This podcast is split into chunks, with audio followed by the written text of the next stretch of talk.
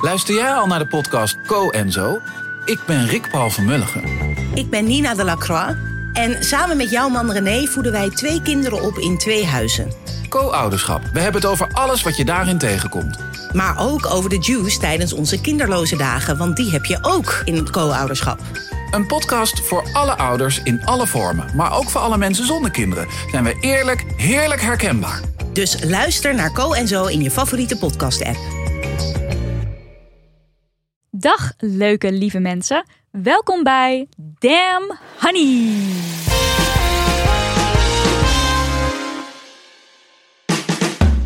De podcast over shit waar je als vrouw van deze tijd mee moet dealen. Mijn naam is Nidia En ik ben Marilotte. en dit is aflevering 173. En voordat we beginnen ga ik meteen een content warning geven, want we gaan het vandaag in onze hoofdrubriek, we moeten het even hebben over, hebben over kindermisbruik. Ja, en ehm, door enorme file, er is een ongeluk gebeurd, denken we, eh, schuift onze gast pas aan bij het hoofdgesprek. We beginnen dus even met z'n tweetjes, maar ik wil wel alvast vertellen wie eh, er zo meteen aanschuift. En dat is journalist en schrijver Rinke Verkerk. En zij is gespecialiseerd in verhalende reportages en achtergrondverhalen. En onlangs is ze in een verhaal gedoken waar zij zelf ook onderdeel van uitmaakt als omstander. Het verhaal van Lenneke die op haar twaalfde misbruikt werd. En iedereen in het dorp waar ze woonde wist het. Maar niemand sprak erover. En Rinke schreef er het boek over. Het hele dorp wist het. En straks praten we met elkaar over de rol van omstanders bij kindermisbruik. Ja, eh, maar goed, ze schuift dus straks pas aan. Ja. We gaan even zelf de Femi Misser doen. We Met gaan even zelf de post doen. Eh Marilotte, Ja, ging jij nog de Femi Mist in? Meiden, ik ga zo de Femimist in weer. Vorige keer had ik volgens mij zo... Nee, ik ben on top of the world en ik doe niks meer fout. Maar eh, nu... Look eh, at you now. Look at me now. Ja. Ik heb uh, Femimist en Femimist. Ik ga er gewoon Oh. eentje doen. Oké, Want ja... je kan ze hè? maar beter opsparen. Precies. Voor als je weer Je heel weet het niet wanneer Ja. ik weer eh, helemaal in de hoge levels van het feminisme beland. Dan Ja. heb ik ze maar. Ehm, maar mijn eh feminisme nu is dat ik erachter kwam dat een vriend van mij op vakantie is. ehm, op het moment dat de, eh, de Pride in Utrecht is. Ja.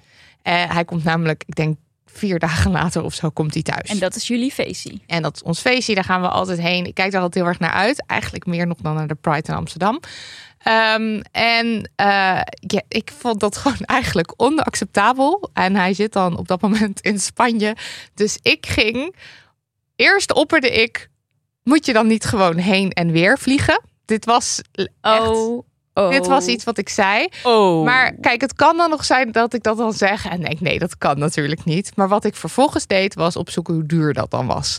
Oh, Eh, dus ik ging daadwerkelijk naar vluchten kijken. Ehm, blijkbaar ben ik heel erg allemaal, eh, heb ik allemaal principes. Maar op het moment dat het mijn feestje in de weg zit, ehm, ben ik toch ergens, ergens in het achterhoofd bereid om dat los te laten. Kijk, Ik eh, vind dit best heftig. ik Iemand ook. gaat op vakantie en... ja, Maar er zit toch ook wel een sterk staaltje egoïsme in? absoluut. Want die jongen is gewoon lekker op vakantie. En dan zeg je, jij moet terugkomen, Ik want anders het. heb ik niet mijn feestje zoals ik het normaal heb. En hij- zeg maar, we zaten erover te praten. En dit is toch wel een Hij zat de oogrollen of wat? Nou ja, hij, kijk, hij is een van mijn minder activistische vrienden. En zelfs hij zei, sorry, maar wat zeg jij? Ja. En toen dacht ik, ja, sorry, maar wat zeg ik? Maar ja, ik bedoel, eh, blijkbaar zit het toch... Ja, ik, ja, echt god, mensen. Ik ben ook gewoon een egoïstische trut. Ehm Nidia, jij. Nou, ik durf dus niet bij de gymbro's te hangen. Letterlijk. Wat? Want ik ben een pull-up aan het leren. Zoals de bonus, bonusballies wel weten. Want daar eh, eh, krijgen ze alles mee van onze doelen van 2024. Maar jij gaat helemaal niet naar de gym. Nee, eh, je hebt ook buitengyms. Oh, in, in de, als, je, als je aan het hardlopen bent in de, in de, in de parken en ja, zo. dus eh, je hebt in parken allemaal van die rekken staan, van die stangen. Er is zelfs een heel calisthenics park vlakbij. Met allemaal van die stangen. En ehm, Wacht, thuis, wat is calisthenics? Ja, dat is een soort sport waarbij je aan de hand van je eigen lichaamsgewicht allemaal coole dingen doet. Oh Dus ja. bijvoorbeeld een handstand. Ja, ja, ja. Of zo'n flag, dat je zo, ken je dat? Dat je met je handen zo hangt en dan helemaal horizontaal jezelf. Ik weet niet hoe die mensen Maar dit doen, is maar... een enorme spierbeheersing heb je Ja, dan. ik zou, ik zou, ik, er is een universum waarin ik Dat helemaal kan. obsessed hiermee ben en Nou ja. dit mijn leven is. Dat is niet dit universum, want ik heb Dat mogen duidelijk zijn. vooralsnog Die te vrouw- weinig spierkracht. Maar En die vrouw weet. ligt ook gewoon graag in bed. Eh, ja, Maar goed, ik wil dus die pull-up leren. En thuis heb ik een pull-up bar, dus dat is allemaal prima. Maar ehm, een wat lagere stang heb ik thuis niet. En daar kan je dan weer op een andere manier mee trainen. Want dan heb je gewoon je voeten op de grond. Oh, en eigenlijk wil ik dat dus ook doen. Maar dan moet ik dus bij de gym bros. Nee, jij wil dat Want niet. eigenlijk al die parken, daar zijn alleen maar mannen altijd aan het trainen. En ik vind dat eng. Ja, ik snap dat wel.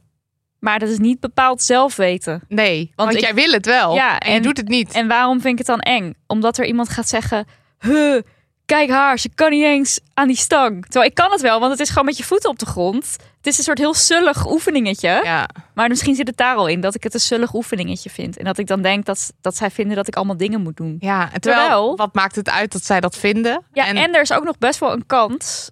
Ehm, ik zat namelijk ook te denken: kijk, ik kan ook gewoon daarheen gaan en vragen: hebben jullie tips? Want eh, ja, zij, zij zullen ongetwijfeld allemaal slimme dingen weten over pull-ups als ze daar zelf goed in zijn. En ik zit ook te denken, ja, kijk, zij zijn ook op het punt geweest waar jij nu zit. En misschien is dat Ja. jaren geleden en misschien waren ze toen tieners, geen idee. Maar eh, zij hebben ook die zullige oefeningetjes moeten doen om die kracht te krijgen. Dus Ja. ja. zij weten vast dingen. Goed, ik moet dus met de gym bros Jij gaan moet met de gym bros, ja. Tijd voor post. Tijd voor post. Voor post. Post. Post. Oké, lieve Nidia en Marilotte. Ik loop ergens tegenaan in mijn heteroseksuele relatie. Mijn hele lieve vriend vindt het namelijk lastig als ik kleren draag met bijvoorbeeld een diep colleté. Decolleté. Een diep colleté, Ja. zei ik. Een diep colleté. Een diep colleté. Eh, ja, mijn hele lieve vriend vindt het namelijk lastig als ik kleren draag met bijvoorbeeld een diep decolleté. We hebben het, het er al vaak over gehad en zijn standpunt is dat hij graag dat soort meer intieme delen wil bewaren voor tussen ons twee. Op een manier vind ik dit ook heel lief, want hij wil mij graag voor zichzelf. Maar aan de andere kant gaat mijn feministische hoofd hier echt van stijgeren. Ik draag toch zeker wat ik zelf wil. Ik vind het heel lastig om rekening met hem te houden, wat ik graag doe, zonder over mezelf heen te laten lopen met dit onderwerp. Hebben jullie hier nog gedachtenspinsels over? Liefs L. Oh ja, hebben wij hier gedachten over. Ik zat ook, ik zeg maar, mijn eerste reactie bij dit soort dingen is echt gewoon. Oké, dit klinkt als een hem-probleem, Ja. niet als een jou-probleem. Dit is echt iets van hem. Dit zou niet jouw probleem moeten zijn. En, Ja. ik, en, ik, en, ik, en ik hoop gewoon zo dat hij dat inziet. Ja. Ja, oké. Ik zou wel benieuwd zijn als je uitvraagt bij hem waar dat gevoel me in zit. Dus waar komt het gevoel vandaan ehm, dat zij dus de intieme delen Ja. voor hem moet houden of tussen ons twee moet houden? Maar zij schrijft natuurlijk ook al. ehm, op een manier vind ik dit heel lief, want hij wil mij graag voor zichzelf. Ja, daar heb ik ook nog wel dingen om te zeggen. Ja, maar ik bedoel, ze, eh, ik, ik bedoel meer om te zeggen, ze ziet dus wel in, hij wil haar voor zichzelf. En Ja. het is dus gewoon echt een idee van, dat is van mij. Ja, dat, dat kan, maar het kan dus ook vanuit angst komen. Het kan vanuit jaloezie komen. Ja. Het komt, kan vanuit het idee komen, vrouwen die zich eh, op een manier dragen waarbij de intieme delen zichtbaar zijn. die Wordt doen lastiggevallen of zo. Nou, of die worden lastiggevallen, of die doen dat Of omdat aandacht. zij ehm, aandacht willen en op zoek zijn naar, eh, naar flirt, flirten of, of ehm, bewust verleiden. Wat Ja. natuurlijk ook een heel ouderwets idee is in mijn ogen. Dat vrouwen zich kleden voor de man in plaats van voor zichzelf. Dus ik zou het wel interessant vinden om dan te horen van waar zit het hem nou precies in dat je dit gevoel hebt? En ook waarom denk jij ehm, dat je dit mag vragen aan een vrouw? Waar komt het vandaan? Ja. En dan kom je volgens mij op het antwoord, omdat er toch een soort eigendom in zit, inderdaad. Ja, inderdaad. Dat, dat hij het, hij, Hoe komt hij het dat- ziet het gewoon alsof zij van hem is. Op, zeg maar, niet, misschien niet helemaal, maar en misschien in ook ieder geval, niet bewust, hè? Dat kan ook nog. Ja, en, maar, en dat zijn wel echt. Ik, ik, ik, ik krijg er heel erg eh, sterke eh, eh, jaren 50 vibes van, zeg maar. Gewoon Ja. dat gevoel dat een, een vrouw toch een soort van onderdanig is of zich moet opstellen, Moet luisteren moet naar- luisteren naar haar man. Ja, En ehm, ik, ja, kijk, de, ik sla dan acht stappen over, maar ik denk die, die man moet in therapie en Ja, moet ja. voor zichzelf gaan, gaan, gaan bedenken. Wat zijn nou de, de, in de wat jij zegt? eh zit hier angst achter? Zit hier jaloezie achter? Wat is het nou in mij wat mij onzeker maakt over dat eh, mijn, mijn vriendin, mijn partner een een diep colleté wil, eh, wil aantrekken en daarmee Ja. wil lopen. Want het, het zou niet uit moeten maken. Nee. Het is echt, ja, het is echt bezitterigheid. Ja, ja en het, ehm, het, het kan een eerste vorm van controlerend gedrag zijn. Dat is misschien nu. Ja, ik ken de situatie verder niet. Je zegt het is een lieve jongen. Eh, maar misschien voor andere mensen die luisteren, die dit soort gedrag bij hun eh, partner ervaren. Ja, Het kan een, een, een eerste vorm zijn van controlerend gedrag uitoefenen. Van ik bepaal wat jij draagt, ik bepaal hoe jij eruit ziet of eh, met wie je omgaat. En dat ehm, vind ik best eng, dat soort gedrag. ja. En, en tegelijkertijd denk ik En wel... misschien is je- dit veel onschuldiger, Ja. maar dan nog zit het wel daartegen aan. Want dus waar komt het idee vandaan dat hij mag zeggen Bepalen. tegen jou... ja. Eh, dit of dat eh, eh, mag je wel of niet En dat zijn natuurlijk die ideeën. Want kijk, een, een, een vrouwenlijf wordt geseksualiseerd. Dat is bij een mannenlijf veel minder zo. Dus een vrouw zou zich dan dus moeten bedekken. Het zijn wel ook eeuwenoude, of eeuwenoude. Het zijn gewoon hele oude, ouderwetse stereotype denkbeelden over mannen en over vrouwen. Ja. Ehm, ik weet niet zeker of het. Of, of het, ja, ik- kan niet zeggen of het gevaarlijk gedrag is, maar het is in ieder geval, je bent, hij is blijkbaar opgevoed ook met dat idee van, van die mannen en vrouwen. En Ja. heeft daar allemaal gevoelens over. En ik denk dat het gewoon heel belangrijk is om dat te doorbreken. Ja. Ja, en het zit, dus ook, het zit dus ook iets in van dat als een andere vrouw dus dat aan heeft, dat hij dus toch het gevoel heeft dat het ook voor hem, Voor is, hem is, Omdat hij ja. dus zegt van ik wil het tussen ons twee houden. Dus ehm, ja, en dan is het ook nog wel goed om te zeggen dat als jij dit helemaal fijn vindt, van ik hou dat tussen mijn partner en mij, dan is het natuurlijk niet erg. Nee. Want het is niet zo dat wij vinden, mensen denken nog wel eens dat wij vinden dat iedereen maar tieten los moet. En eh, ehm, ook natuurlijk het idee dat als je feminist bent, dat je dan per definitie bijvoorbeeld tegen een hijab of modest eh, kleding eh, Nee, bent. je alsjeblieft zo modest als Nee, je wil. precies. Maar als je wil, is hier toch wel de key Ja. in deze zin. zelfbeschikking. En omdat je dus zelf schrijft, L, van eh, ik vind het lastig om rekening eh, met hem te houden. ehm, eh, en En mijn ik feministische toch hoop, zeker ja. wat ik zelf wil. Dus daar zit heel erg in van zelf wil ik het eigenlijk wel gewoon kunnen Ja. dragen. En het zit hem allemaal bij hem en Ja. niet bij jou. En het gaat dus mis in eh, dat jij je zou moeten aanpassen, omdat hij zou moeten aanpassen in iets wat jij zelf wil, wat hem in principe verder niet zou moeten schaden. Nee,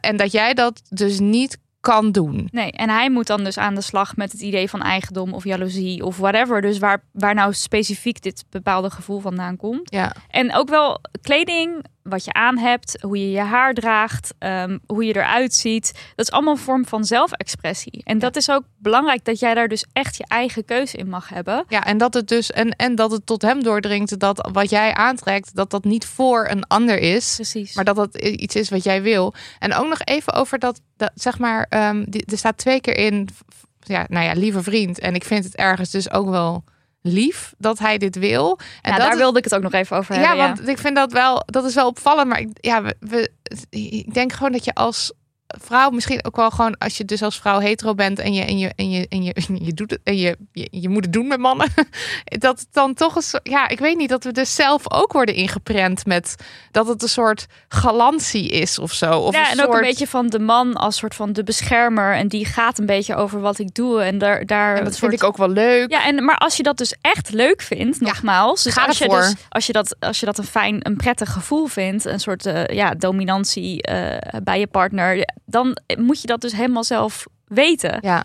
Ehm, maar ja, ik vind het een interessante vraag. Gewoon om bij jezelf eens te raden te gaan. Waarom ehm, zou het dus lief zijn als iemand je voor zichzelf wil? En kan je ook misschien dan nadenken over de vraag: is het ook lief als iemand je juist vrijlaat? En dat jullie elkaar in die vrijheid laat, laten weten van tussen ons zit het goed. ja Dus wat, wat maakt het een lief? Wat maakt het ander lief? Waar, waar voel je je nou zelf het meest prettig bij? Ehm, ja, want ik- ja, misschien vanuit vroeger zou ik ook wel mee kunnen gaan in, dat, in, aan- in die gedachte hoor. Van oh, hij, eh, eh, ja, een soort, ja, toch daar een beetje ehm gevleid door zijn. maar het gaat natuurlijk Maar nu gaat dat er bij mij echt niet meer in, dit, Nee. soort, dit soort dingen. En het, het hangt natuurlijk ook op een bepaalde manier aan, aan, aan, zeg maar, dat een man geacht wordt om de deur open te houden voor een vrouw. Of over, ehm, wat wilde ik nou nog meer zeggen? Zeg maar, of dat is dat je echt iets anders hoor. Ja? Of dat je een vrouw, een vrouw niet hoort te slaan. Weet je wel, dat het allemaal zo over... de- Dat, Ja, dat oké. een man meer in een soort van...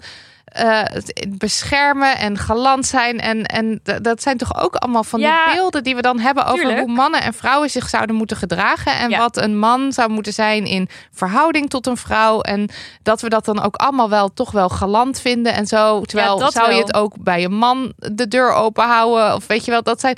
Dat, ik vind Alleen dat voor gewoon- mij zit dat eigendomstukje. Daar vind ik het een Nee, beetje daar ga ik- creepy worden. Tuurlijk. En controlerend worden. En dan vind ik een deur open houden of een stoel naar achter schuiven. Maar wel inderdaad, inderdaad de galantheid. En wie moet voor wie zorgen. Ja. En wie is er dus in deze rolverdeling dan dus blijkbaar eh, degene die zorg nodig heeft. Ja. Dat is natuurlijk ook interessant. Maar dat is eigenlijk, ja, dat hangt er wel aan vast hoor. Maar ik vind dat eigendomstukje toch, Nee, dat, nee, dat eigendomstukje hier vind ik echt een beetje eng. ja. En ik denk ook gewoon echt wel dat je dat serieus mag nemen in. eh, of, en dat hij dat serieus moet nemen in waar zit het hem in? Want Maar tegelijkertijd denk ik dat heel veel mannen Ja. in een hetero-relatie zo denken over hun partner. Ook met, eh, als ik zelf ehm, eh, met tepelkwastjes op of zo, weet je wel. Dat je dan de vraag krijgt van, wat vindt jouw vriend daar dan eigenlijk van? ja, Ehm, ja, dat, dat, ja, Gaat er niet dat in is bij in mensen. mijn relatie Ja. is dat niet, dan komt dat niet ter sprake. Is dat niet een ding? Want ik maak mijn eigen keuze over hoe ik eruit zie. En eh, Daniel en ik hebben zelf afspraken over onze relatie en over hoe we dat inrichten en over of ik wel of niet mag flirten, zoenen of noem het allemaal maar op.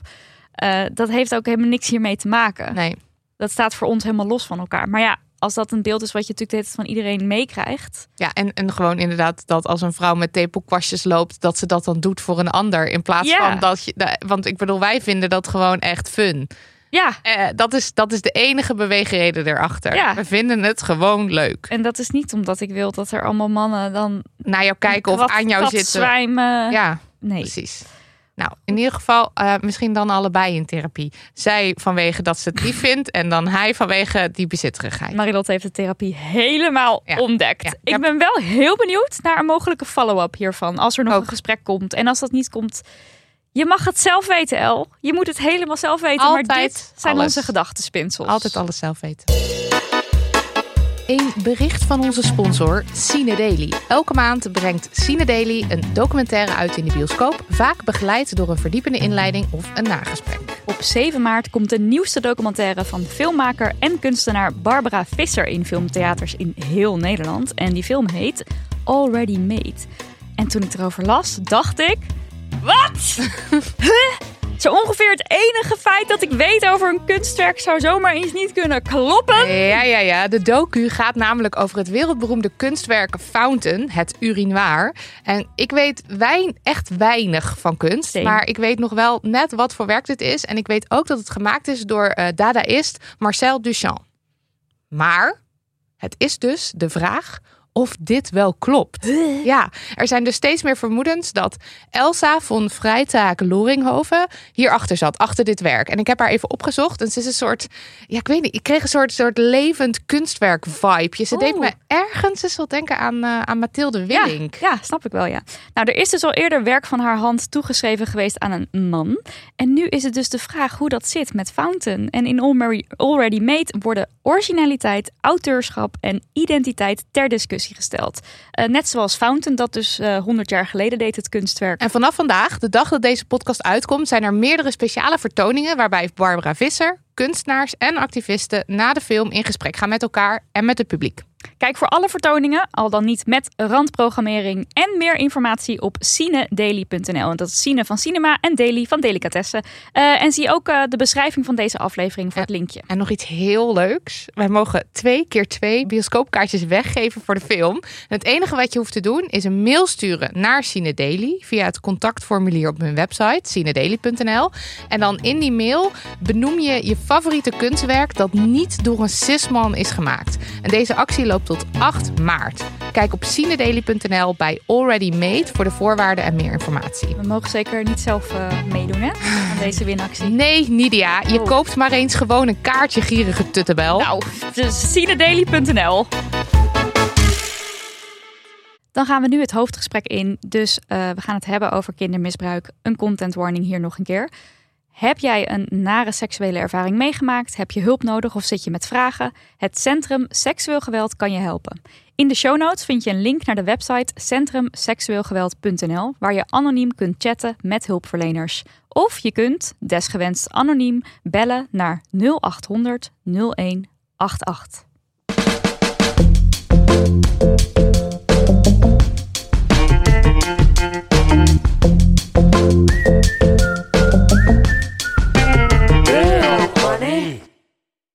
We moeten het even hebben over de rol van omstanders bij kindermisbruik. En dat doen we met Rinke Verkerk. Die is nu aangeschoven, vers uit de file.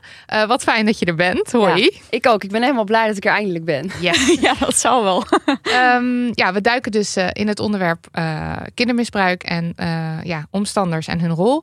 Kindermisbruik komt veel meer voor dan we willen toegeven. En de rol van omstanders is cruciaal als het gaat om de overtuigingen die slachtoffers na het misbruik over zichzelf krijgen. Omdat we kindermisbruik zo erg vinden, sluiten we er liever onze ogen voor. We hebben het er niet over. En als we het erover hebben, dan verketteren we de dader. De dader is een monster. Terwijl daders heel normale mensen zijn en die verkettering niet helpt. Nou, Rinke, jij schreef het boek uh, Het hele dorp wist het. En daarin vertel je een exemplarisch verhaal over misbruik en omstanders. En in dit geval heet het slachtoffer Lenneke en is het een meisje en gaat het om een dorp. Maar in principe had het slachtoffer uh, ook een jongen kunnen zijn en de locatie een woonwijk in Amsterdam. Toch? Ja. ja. Um, en je boek vertelt het verhaal van Lenneke. Wie is zij? Uh, zij is nou, inmiddels, ze is net zo oud als ik. Um, ik ben uh, 34. Um, uh, maar toen ik haar leerde kennen, waren we nog kind. En was het een, ja, echt zo'n zo'n energiek meisje. Altijd in het water, in het zwembad. Dat, dat zo herinner ik me haar. Ze stond op waterpolo. Ze was ook altijd in het water. Ze had best wel harde stem ook. Ze, die hoorde je goed. En ja, fanatiek karakter. Um, zo herinner ik me haar. Maar ik heb haar heel erg zien veranderen met de jaren in een soort stil, ehm, onzeker, jong jonge ja. vrouwen zien worden eigenlijk. Ja. ja. En er hing wel, maar er hing wel om haar, uh, om haar familie en om haarzelf hing ook wel een soort sfeer, toch? Van dat je daar ook een beetje op je hoede was als je bij haar was. Ja, eigenlijk de allereerste keer. Want kijk, ik ben dus niet in dit dorp opgegroeid, maar vijf kilometer verderop. Ja. Mm -hmm. uh, maar mijn ouders zijn in dit dorp, waar het mijn boek over gaat. Daar zijn mijn ouders geboren. Daar werkten zij ook. Daar was het buitenzwembad. Daar woonde heel mijn familie nog. Dus daar, ik ben daar half. Oh, ik wilde daar ook altijd liever wonen. en zij is mij het eerst opgevallen toen we negen waren. Op een dorpsfeest. Uh, was in de herfstvakantie zo'n feestweek voor kinderen. En op woensdag mocht je pannenkoeken blijven eten. Dan hoefde je dus niet naar huis. En dan hadden alle moeders zo'n pak koopmansgebakken. Mm. Nou, vuilniszakken over de gymzaalvloer geplakt. Uh, overal stapels. Wij allemaal in kringetjes eromheen. Eén Een groot, groot feest. feest. Ja, ja. Echt, dat was het allerleukst. En uh, ja, toen waren onze pannenkoeken op. Dus ik wilde bij het groepje naast mij pakken. En toen werd ik zo bij mijn arm gepakt. Ja, niet bozig, maar echt zo solidair meer. Zo van, hey, die moet je niet pakken. Dat zijn de zeemlappen van Helene van Dijk.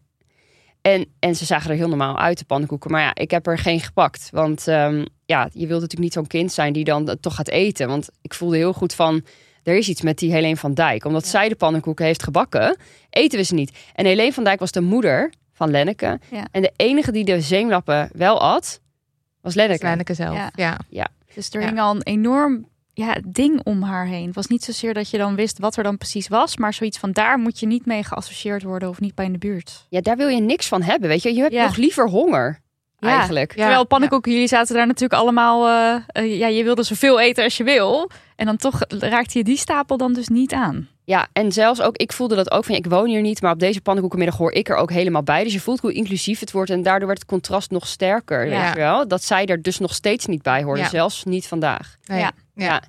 En wat, wat, is, wat is verder haar verhaal? Lennekes verhaal. Lennekes verhaal? Ja, en dat, de, de tragiek is eigenlijk dat we toen nog niet eens wisten dat zij over drie jaar zou worden misbruikt door opa. Ja. Maar ehm, een paar jaar hiervoor, een jaar of drie voor deze pannenkoekenmiddag, ehm, is haar opa veroordeeld voor eh, misbruik en verkrachting van een ehm, kantoormeisje wat hij toen had. Zo heette dat Ja. toen nog. Nu Ja. nemen we dat natuurlijk eh, administratief medewerker of zo, maar dat Ja. was toen het kantoormeisje.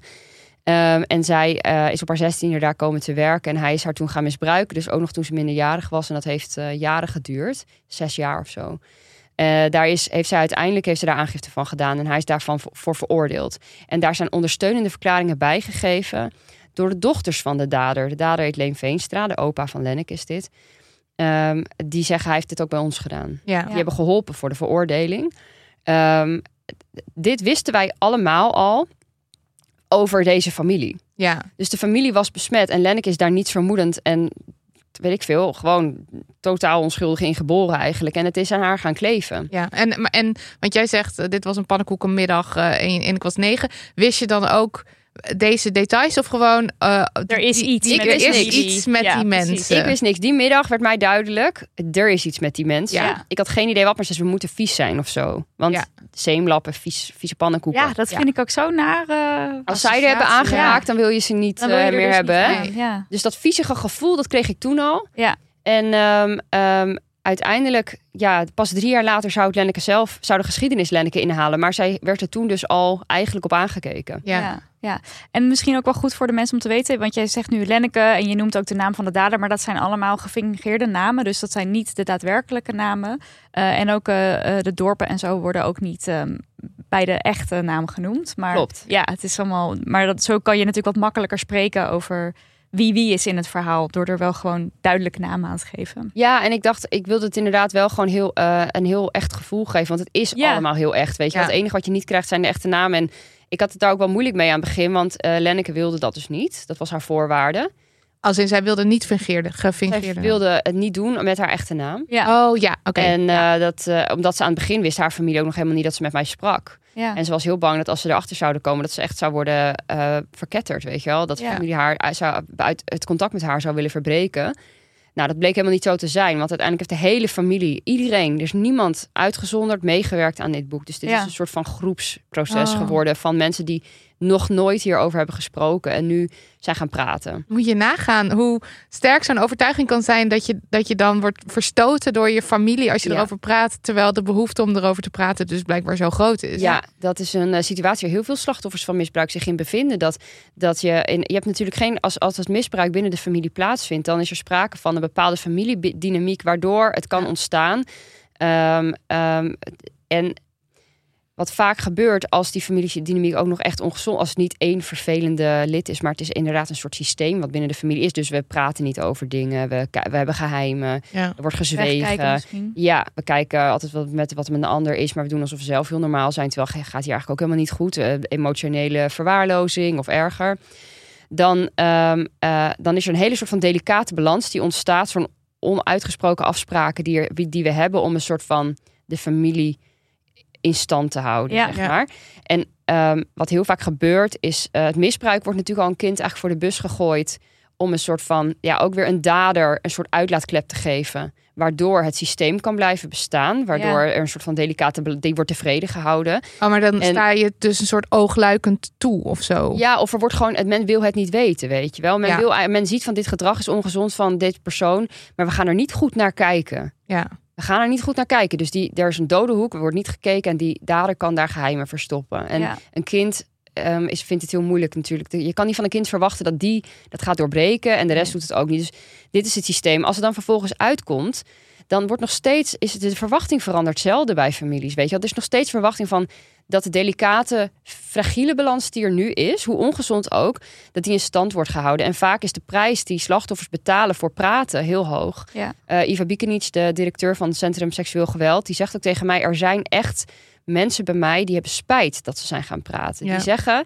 ik heb niemand meer. En sociale uitsluiting is het ergste wat de mens kan overkomen. Ja. Het kan fysiek pijn doen. Er is niks ergers. Dus soms denken ze: had ik het maar op de koop toegenomen, dan had ik mijn familie nog maar gehad. Hoe dysfunctioneel ook, hoe, hoe voorwaardelijk liefde natuurlijk ook is. Als Ja. jij je verhaal niet eens mag vertellen. Nee, Het is beter dan niks. Ja. En dat is, het het is de, Iva zei het gisteren nog tegen mijn telefoon, het is de perfect crime. ja. Misbruik van En het is kinderen. natuurlijk ook omdat, eh, hoe dysfunctioneel ook, je kent in ieder geval je plek daar en je weet wat je aan iedereen hebt. En, en het is op een bepaalde manier ook gewoon dat je, dat je Veiligheid weet waar je aan toe bent of zo. Ja. Ja. Ja. Ja. Klopt. En eh, ja, dat is zo. En dat zei Richard Korver ook. Dus een strafrechtadvocaat die veel eh zedenslachtoffers bijstaat. Die zegt, ja, er zijn echt kinderen die mij smeken of ik niks wil doen. Want ja, de dader is ook de enige die aardig tegen hun is. Ja. Ook de enige die hun aandacht geeft. En maar weet je, en hier komen we bij wat je net zei van... we maken er vaak monsters van.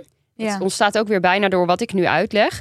Maar dat helpt ons niet bij omstandigschap. Want dan heb je een soort beeld. Oh, maar dan weet je wel, je denkt aan Marc Dutroux. Of je denkt aan Robert M. Je denkt aan dit soort namen. En denk je, ja, zo iemand, weet je wel, dat is het vast. En, maar het merendeel van de daders zijn niet zulke mensen. Nee. Daders zijn vaak hele aardige, charmante, behulpzame, vriendelijke mensen.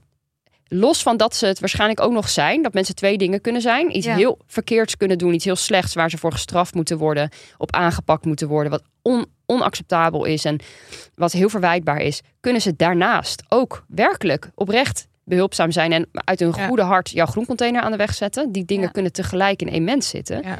En ze hebben er ook belang bij om aardig over te komen. Tuurlijk, Want want, ze willen dat in stand houden. En zeker in zo'n, in zo'n dorp waar jij over schrijft, waar de sociale controle en zo natuurlijk ook gewoon, waar al die sociale netwerken zo sterk zijn, eh, als, als in dit geval Leen Veenstra zo'n, zo'n reputatie heeft, dat is gewoon heel belangrijk voor hem. En mensen willen dan dus ook niet geloven nee, dat dit eh, gebeurt. Nee, ze willen liever dat die man daadwerkelijk aardig is. Want Ja. hij helpt toch altijd als ze papier komen ophalen. Dan heeft hij altijd heel veel. En hij helpt hij zelf alles mee in de kar laden. Weet je wel, voor het goede doel. En ja, dat is natuurlijk heerlijk om met zo iemand op een dorp te wonen. Niemand wil dat die man eigenlijk ook eh, minstens vijf eh, mensen heeft misbruikt. Maar ik moet zeggen, want jij ehm, je schrijft dus ook heel erg over het verketteren van zo'n dader. Dat, dat helpt niet.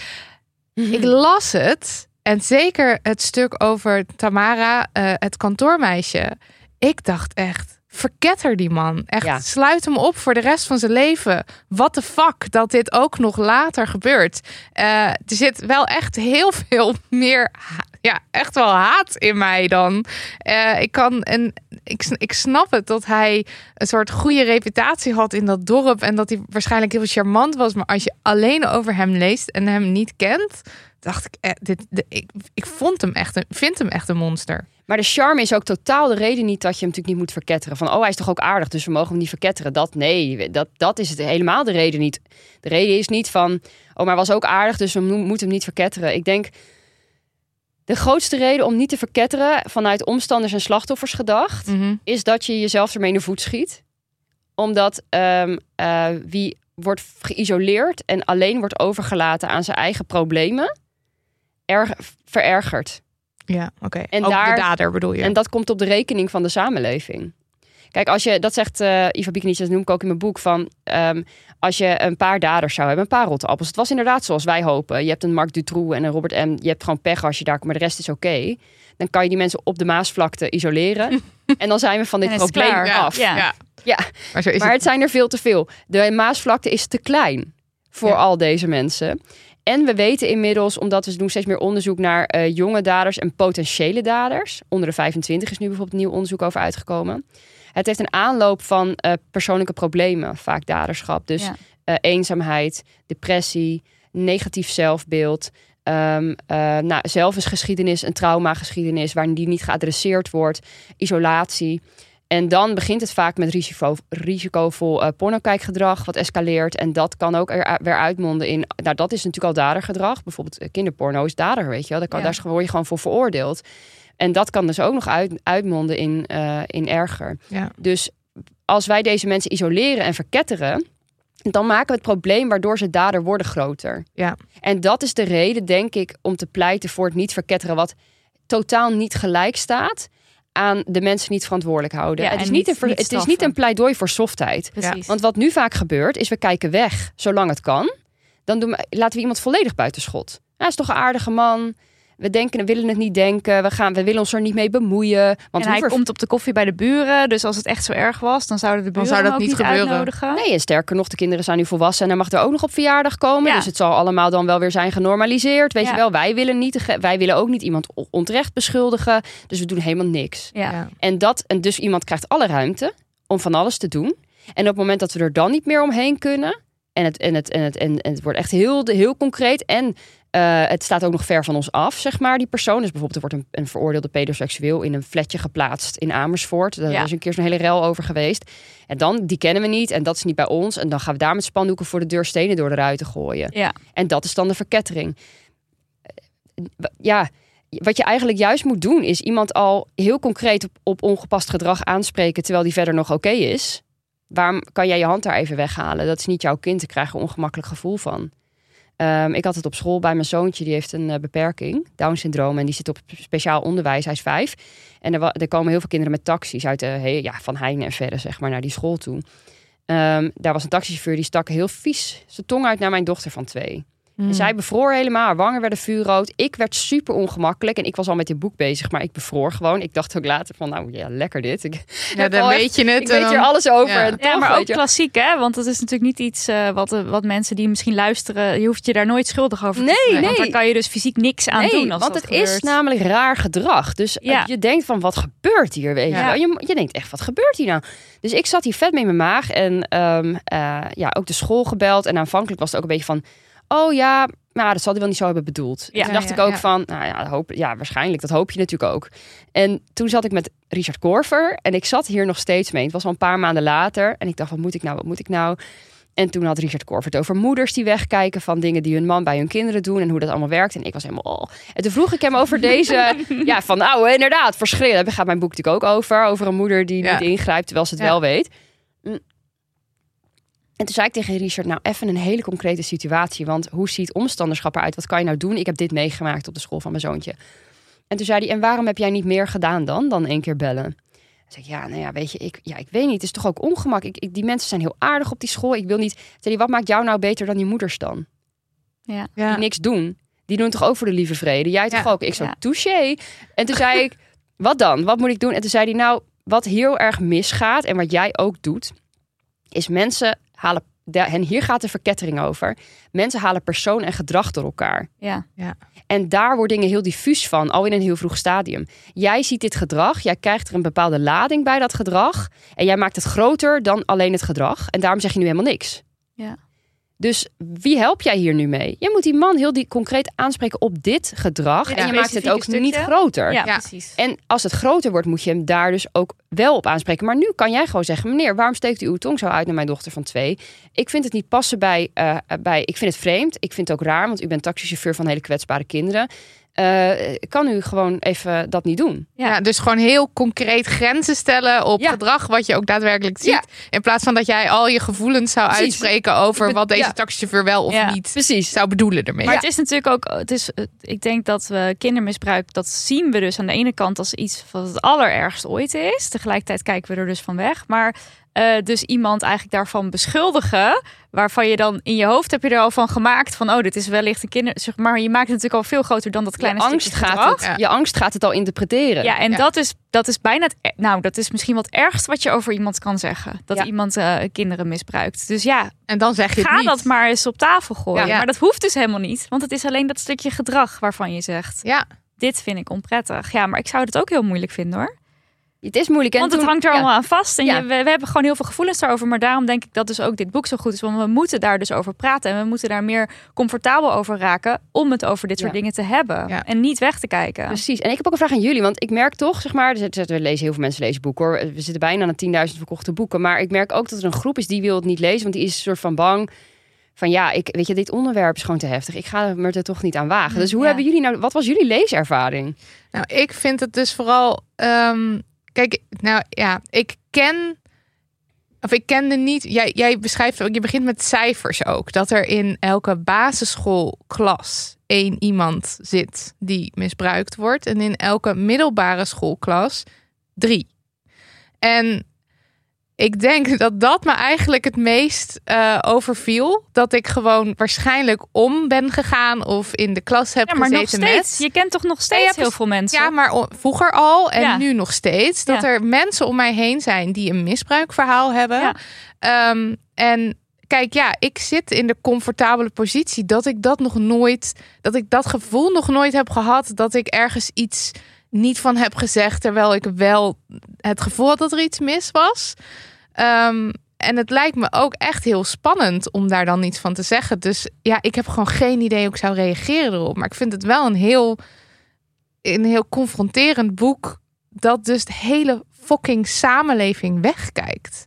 Ja, maar dat maakt het juist ook zo goed dat, dat het dus ook over dit omstanderschap gaat. Ja, En dat het dus niet zozeer het verhaal is van, ehm, eh, nou, ik heb dit meegemaakt. En dat verhaal mag er overigens ook zijn, hè? zoals ook bijvoorbeeld het verhaal van Lieveling, wat Kim van Koot heeft opgeschreven, wat ook echt heel goed is dat dat bestaat. Maar dit focust zich echt op de omgeving. ja. En dat zijn nog meer mensen die er allemaal een rol in hebben gehad. En, En daar is echt, daar, daar moet veel meer aandacht voor. En ook weer nu met die eh, week van de lentekriebels die dus eh, Ja. er weer aankomt nu. Dat gezin in gevaar dan weer allerlei enge flyers door de bus stopt bij mensen. Van er mag niet gesproken worden over, eh, over seks, seksuele voorlichting. Dat mag niet op scholen. Terwijl het verhaal van Lenneke, want we moeten zo even terug denk ik naar, Naar Lenneke, Naar ja. Lenneke. Eigenlijk begint met dat zij het kan vertellen, omdat zij dit leert op school. Van hé, hey, dit is niet oké. En Maar wat- laten we daar even naar terug gaan. Maar ik wil graag nog even één Ja. ding zeggen. Want omdat jij de week van de lentekriebels aanhaalt. ehm, het is natuurlijk zo. Dit hebben, we hebben vorig, vorig jaar ook veel erover gepraat. En nu komt het er weer aan. Dat eh, die, die groepen die zo tegen die week van de lentekriebels zijn. Die zijn dan van Ja. oh my god. We moeten de kinderen beschermen. Ja. Dit gaat helemaal mis. En ja, iedereen wil de kinderen beschermen. Maar nu heb je dus keiharde cijfers. eh, ook in een boek. Maar die cijfers zijn natuurlijk gewoon ja, die bekend. bestaan al lang. Ja, dat is echt niet iets En nieuws. dan denk ik, oké, jullie hebben allemaal zo'n onderbuikgevoel dat de kinderen in gevaar zijn hier. En daar spreken jullie je tegen uit. En dat is dan, nou, het is eigenlijk gewoon haat, eigenlijk wat hier gebeurt. Maar dan, dan heb je daadwerkelijk cijfers en dan zie je hoeveel kinderen risico lopen en hoeveel kinderen in gevaar zijn of daadwerkelijk al eh, misbruik meemaken. En daar doen we dan dus niks aan. Of daar Ja. doen jullie niks aan. Maar het is toch niet dat ze de van. kinderen willen beschermen? Ik nee, dat is ook dus zo. ook niet. Dat is ook zo. Maar ik kan, het is gewoon zo krom denken. Ja, nou, Nou, goed. goed, dat mes snijdt aan twee kanten. Je hebt inderdaad gezin in gevaar die het allemaal, de- allemaal stil wil, weet je wel. Die Ja. willen die controle terug naar huis. Ja. Nou, als Lenneke, zeg maar, met die methode ja, dan had moeten leven, was ze er niet had ze het uitgekomen. niet kunnen vertellen. Nee. En, ehm, ehm, en dat geldt voor heel veel kinderen, want op haar school, terug naar het verhaal, op haar Ja. school is, is de eh, seksuele voorlichting ingesteld in eh, 2001. Voor het allereerst, zij was de allereerste groep 8 van haar hele school Die seksuele die ooit seksuele voorlichting kreeg. Ja. En dat is begonnen omdat een dorp twee kilometer verderop er een zedenzaak aan het licht kwam Ja. van incest in een, eh, in een streng gereformeerd gezin. Waar ehm, eh, kinderen nooit taal hadden gekregen om erover te vertellen. Precies. Die scholenkoepel, waar ook Lenneke school onder viel, eh, is toen gaan overleggen. Die waren zich rot geschrokken. En die dachten, hoe kan dit nou? Wij zijn hier allemaal een hechte gemeenschap en toch is dit gebeurd. En toen kwamen ze tot conclusie, als wij altijd denken, je moet de voorlichting aan het thuisfront overlaten. Dan hebben kinderen in deze positie, die, die naaien dubbel. Ja, die hebben geen kans. Want, nee, want ze zitten al in dat gezin. En vervolgens zeggen wij, ja, je en we gaan het ook aan jouw gezin overlaten om jou hierover voor te lichten. ja. dat kan niet. Dat kan natuurlijk niet. En als je dan weet dat 87% van, de, ehm, van misbruik gebeurt door bekenden. En, Ja. en zo, volgens mij zeg ik het goed, 75% door verwanten. Dan, dan kan je wel uittekenen dat er buiten gezinnen om Ja. gesproken moet worden met kinderen over seksualiteit, over grenzen. En dat, ehm, eh, ehm, eh, dat, dat anders kinderen, nou, dan, dan duw je hun dus opnieuw weer de fuik in, zeg maar. Ja. Daar tegenover staat, en daar had ik het gisteren ook nog met Iva Bikinic over. Wordt nu ook gedaan alsof een week van de lentekriebels en voorlichting op scholen hetzelfde is als het aanpakken van misbruik. Ja. Hm. Alsof je als je met kinderen over bloot en grenzen praat, alsof je dan misbruik het aan tegengaan bent. Dat is helemaal niet waar. Je moet kinderen wel leren over seksuele vorming, want ze ontwikkelen zich op alle fronten, weet je wel, emotioneel, motorisch en seksueel. En dus natuurlijk neem je dat ook mee in je curriculum, maar het is geen voorkomen van seksueel misbruik. Nee, het is woorden geven aan, zodat als het al gebeurd is, dat een kind wellicht. Ja, maar dan nog, of- ja. dan nog, dan, dan gaat het over seksueel misbruik in de kern niet over de seks, maar over geheim. Ja. Geheim, Oh ja. zwijgen, Ja. het web van loyaliteit, eh, de afhankelijkheid van een dader, de, eh, eh, het diepe gevoel bij een kind zichzelf van ik, er is iets fundamenteel mis met mij, waardoor dit met mij is gebeurd. Schaamte over ik ben dus slecht. Als mensen dat van mij weten, dan wil niemand meer met me omgaan. Dan krijg ik de schuld of dan gaat de dader naar de gevangenis en dan is dat mijn schuld. Daar is eigenlijk, dat is eigenlijk het trauma van seksueel misbruik. Ja. En de seks veroorzaakt dat. En ehm, seksueel voorlichten gaat dat niet oplossen. Dus Nee. het mes snijdt aan twee kanten. Gezin in gevaar doet alsof, alsof dat de bedreiging is. En, en, en, en, en een ander groot deel van de samenleving, waaronder de overheid, doet alsof het de oplossing is. En het is allebei niet waar. Nee. Dus eh, Ja. Ja. Ja. En, eh, en dat gaat terug naar Lenneke, want, want zij, groeit, eh, zij, zij groeit ook dus op in zo'n gezin. Zij groeit ook op in zo'n web. Waarin een dader nog steeds de, de touwtjes eh, in handen heeft over een familie. Mhm. Waarin nog steeds nooit iemand geholpen heeft. Dus, een va dus haar opa heeft haar moeder misbruikt. Haar twee tantes misbruikt. Haar oma wist ervan, maar was niet tegen opgewassen. Dat gaat vervolgens allemaal uit huis. Dat trouwt, sticht eigen gezinnen. Probeert zo goed en kwaad als dat gaat zonder hulp. Met dat trauma het beter te doen. Ja. En met alle beste bedoelingen lukt dat natuurlijk niet. Nee, en kan Lenneke dus niet beschermd worden tegen haar opa. Nee, En is zij, want ehm, dan even terug met, zeg maar, met jouw relatie eh, tot Lenneke. ehm, want jij, jij beschrijft op een gegeven moment een fietstocht Ja. met haar. Kun je daar wat meer over vertellen? Ja, dus oké, wij zijn negen pannenkoeken. Oké, something's wrong with Lenneke. Ja. Got it, weet je wel, got the memo. Nou, daarna zie ik haar al een periode heel weinig. En dan ga ik naar de middelbare school en dan komen we op dezelfde school. In de stad. Ja. En elke ochtend fiets ik vanaf mijn dorp naar die school. En elk dorp haakt aan. Die, die rij wordt steeds langer. Ik weet niet of je dat kent van vroeger. Maar zij haakt dus ook aan. En zo fietsen we vaak ook random naast me. Trek soort trekvogels zijn. Het iedereen verplaatst constant in zo'n fietsgroep vanwege de wind. Vanwege weet ik veel wat allemaal. Dus ik op een gegeven moment naast haar te fietsen uit school. En ehm, dat eh, had, had ik eigenlijk wel vermeden, denk ik, als ik daar eh, als ik dat aan had zien komen. Maar ja, het over, overkwam Was me nou ook eenmaal beetje. zo, ja. Het was ook wel weer prima. Maar zij had op dat moment op de, in de brugklas ook al niet zo'n goede reputatie. Want ehm, eh, ik weet wel heel goed nog dat zij dan in de aula bijvoorbeeld krukken had. En dat er dan kinderen uit mijn dorp in, bij haar in de klas zaten.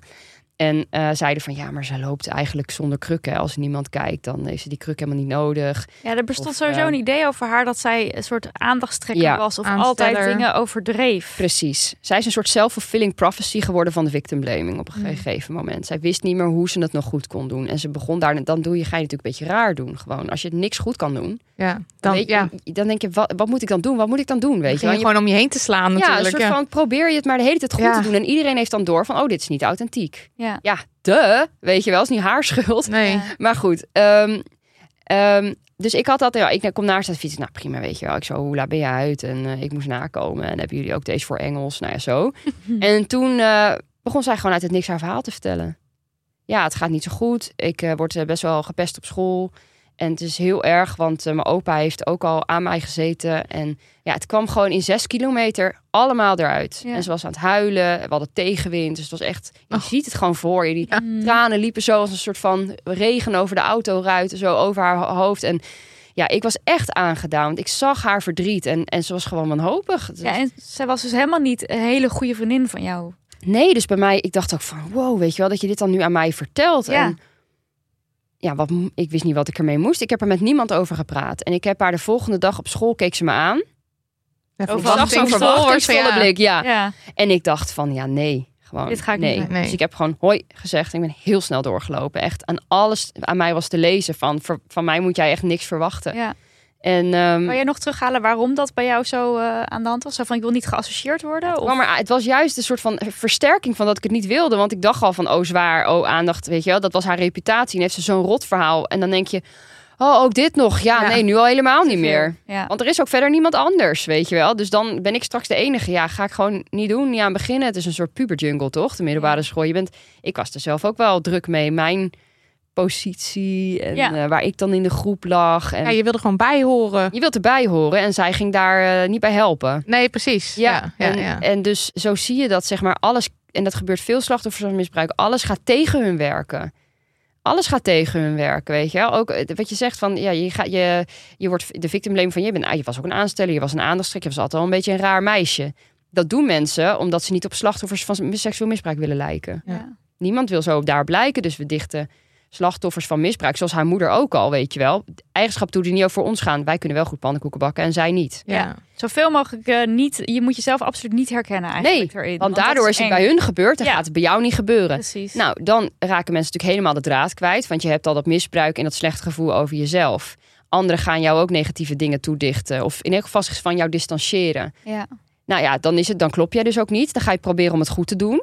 Dat ziet er allemaal niet natuurlijk uit. Dus Nee. zie je mensen, denken mensen dan, zie je wel, zie je wel. Alles wat trauma is, wordt de verklaring van je trauma. ja. Terwijl het het gevolg is. En je zit dus in een fuik. Je kan het niet meer goed doen. Je zit gewoon klem tussen een dader en omstanders. En het is bijna niet te doen om daar zonder hulp uit te breken als slachtoffer. Ja. Echt heartbreaking.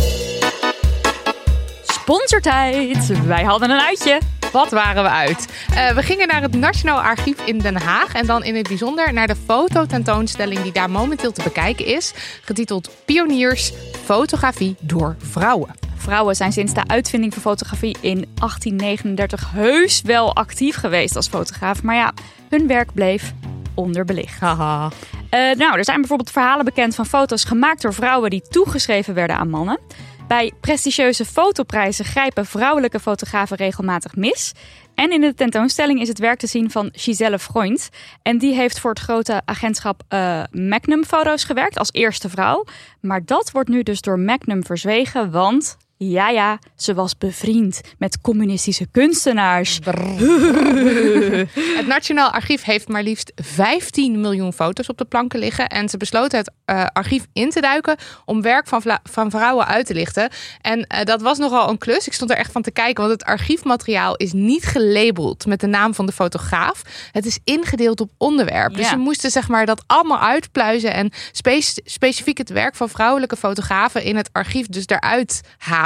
Vinden. Ja, en dat is dus nu voor het eerst hè, dat ze dat kunnen uitlichten. Ja, we hebben wij- zoveel moois gezien. Ja, we waren onder de indruk. Echt geweldig. Het was prachtig. En ook aangrijpend en, en tragisch. Het zat er allemaal in. Ehm, we hebben ook veel fotografen leren kennen. Want ik kende er Nul. Ja, hm. misschien, nou heel ik kan weinig nu niks bedenken. Iemand die we hebben leren kennen is de Joodse Emmy Andriessen. Zij moest onderduiken tijdens de Tweede Wereldoorlog. Maar nadat ze een vervalste Ariër-verklaring kreeg... ging ze dus toch weer de straat op met haar camera... om het dagelijks leven tijdens de oorlog vast te leggen. En mijn favoriet van de tentoonstelling was Abigail Heyman. En zij publiceerde in 1974 haar eerste fotoboek... waarin ze zich richtte op een onderwerp waar toen nog weinig aandacht voor was... de levens en ervaringen van Amerikaanse vrouwen. En in die serie zit een ontzettend indrukwekkende foto. Ik heb er echt lang naar gekeken. Zij maakte die tijdens, tijdens, tijdens hè, haar eigen abortus. Ja, dat was een heftige foto.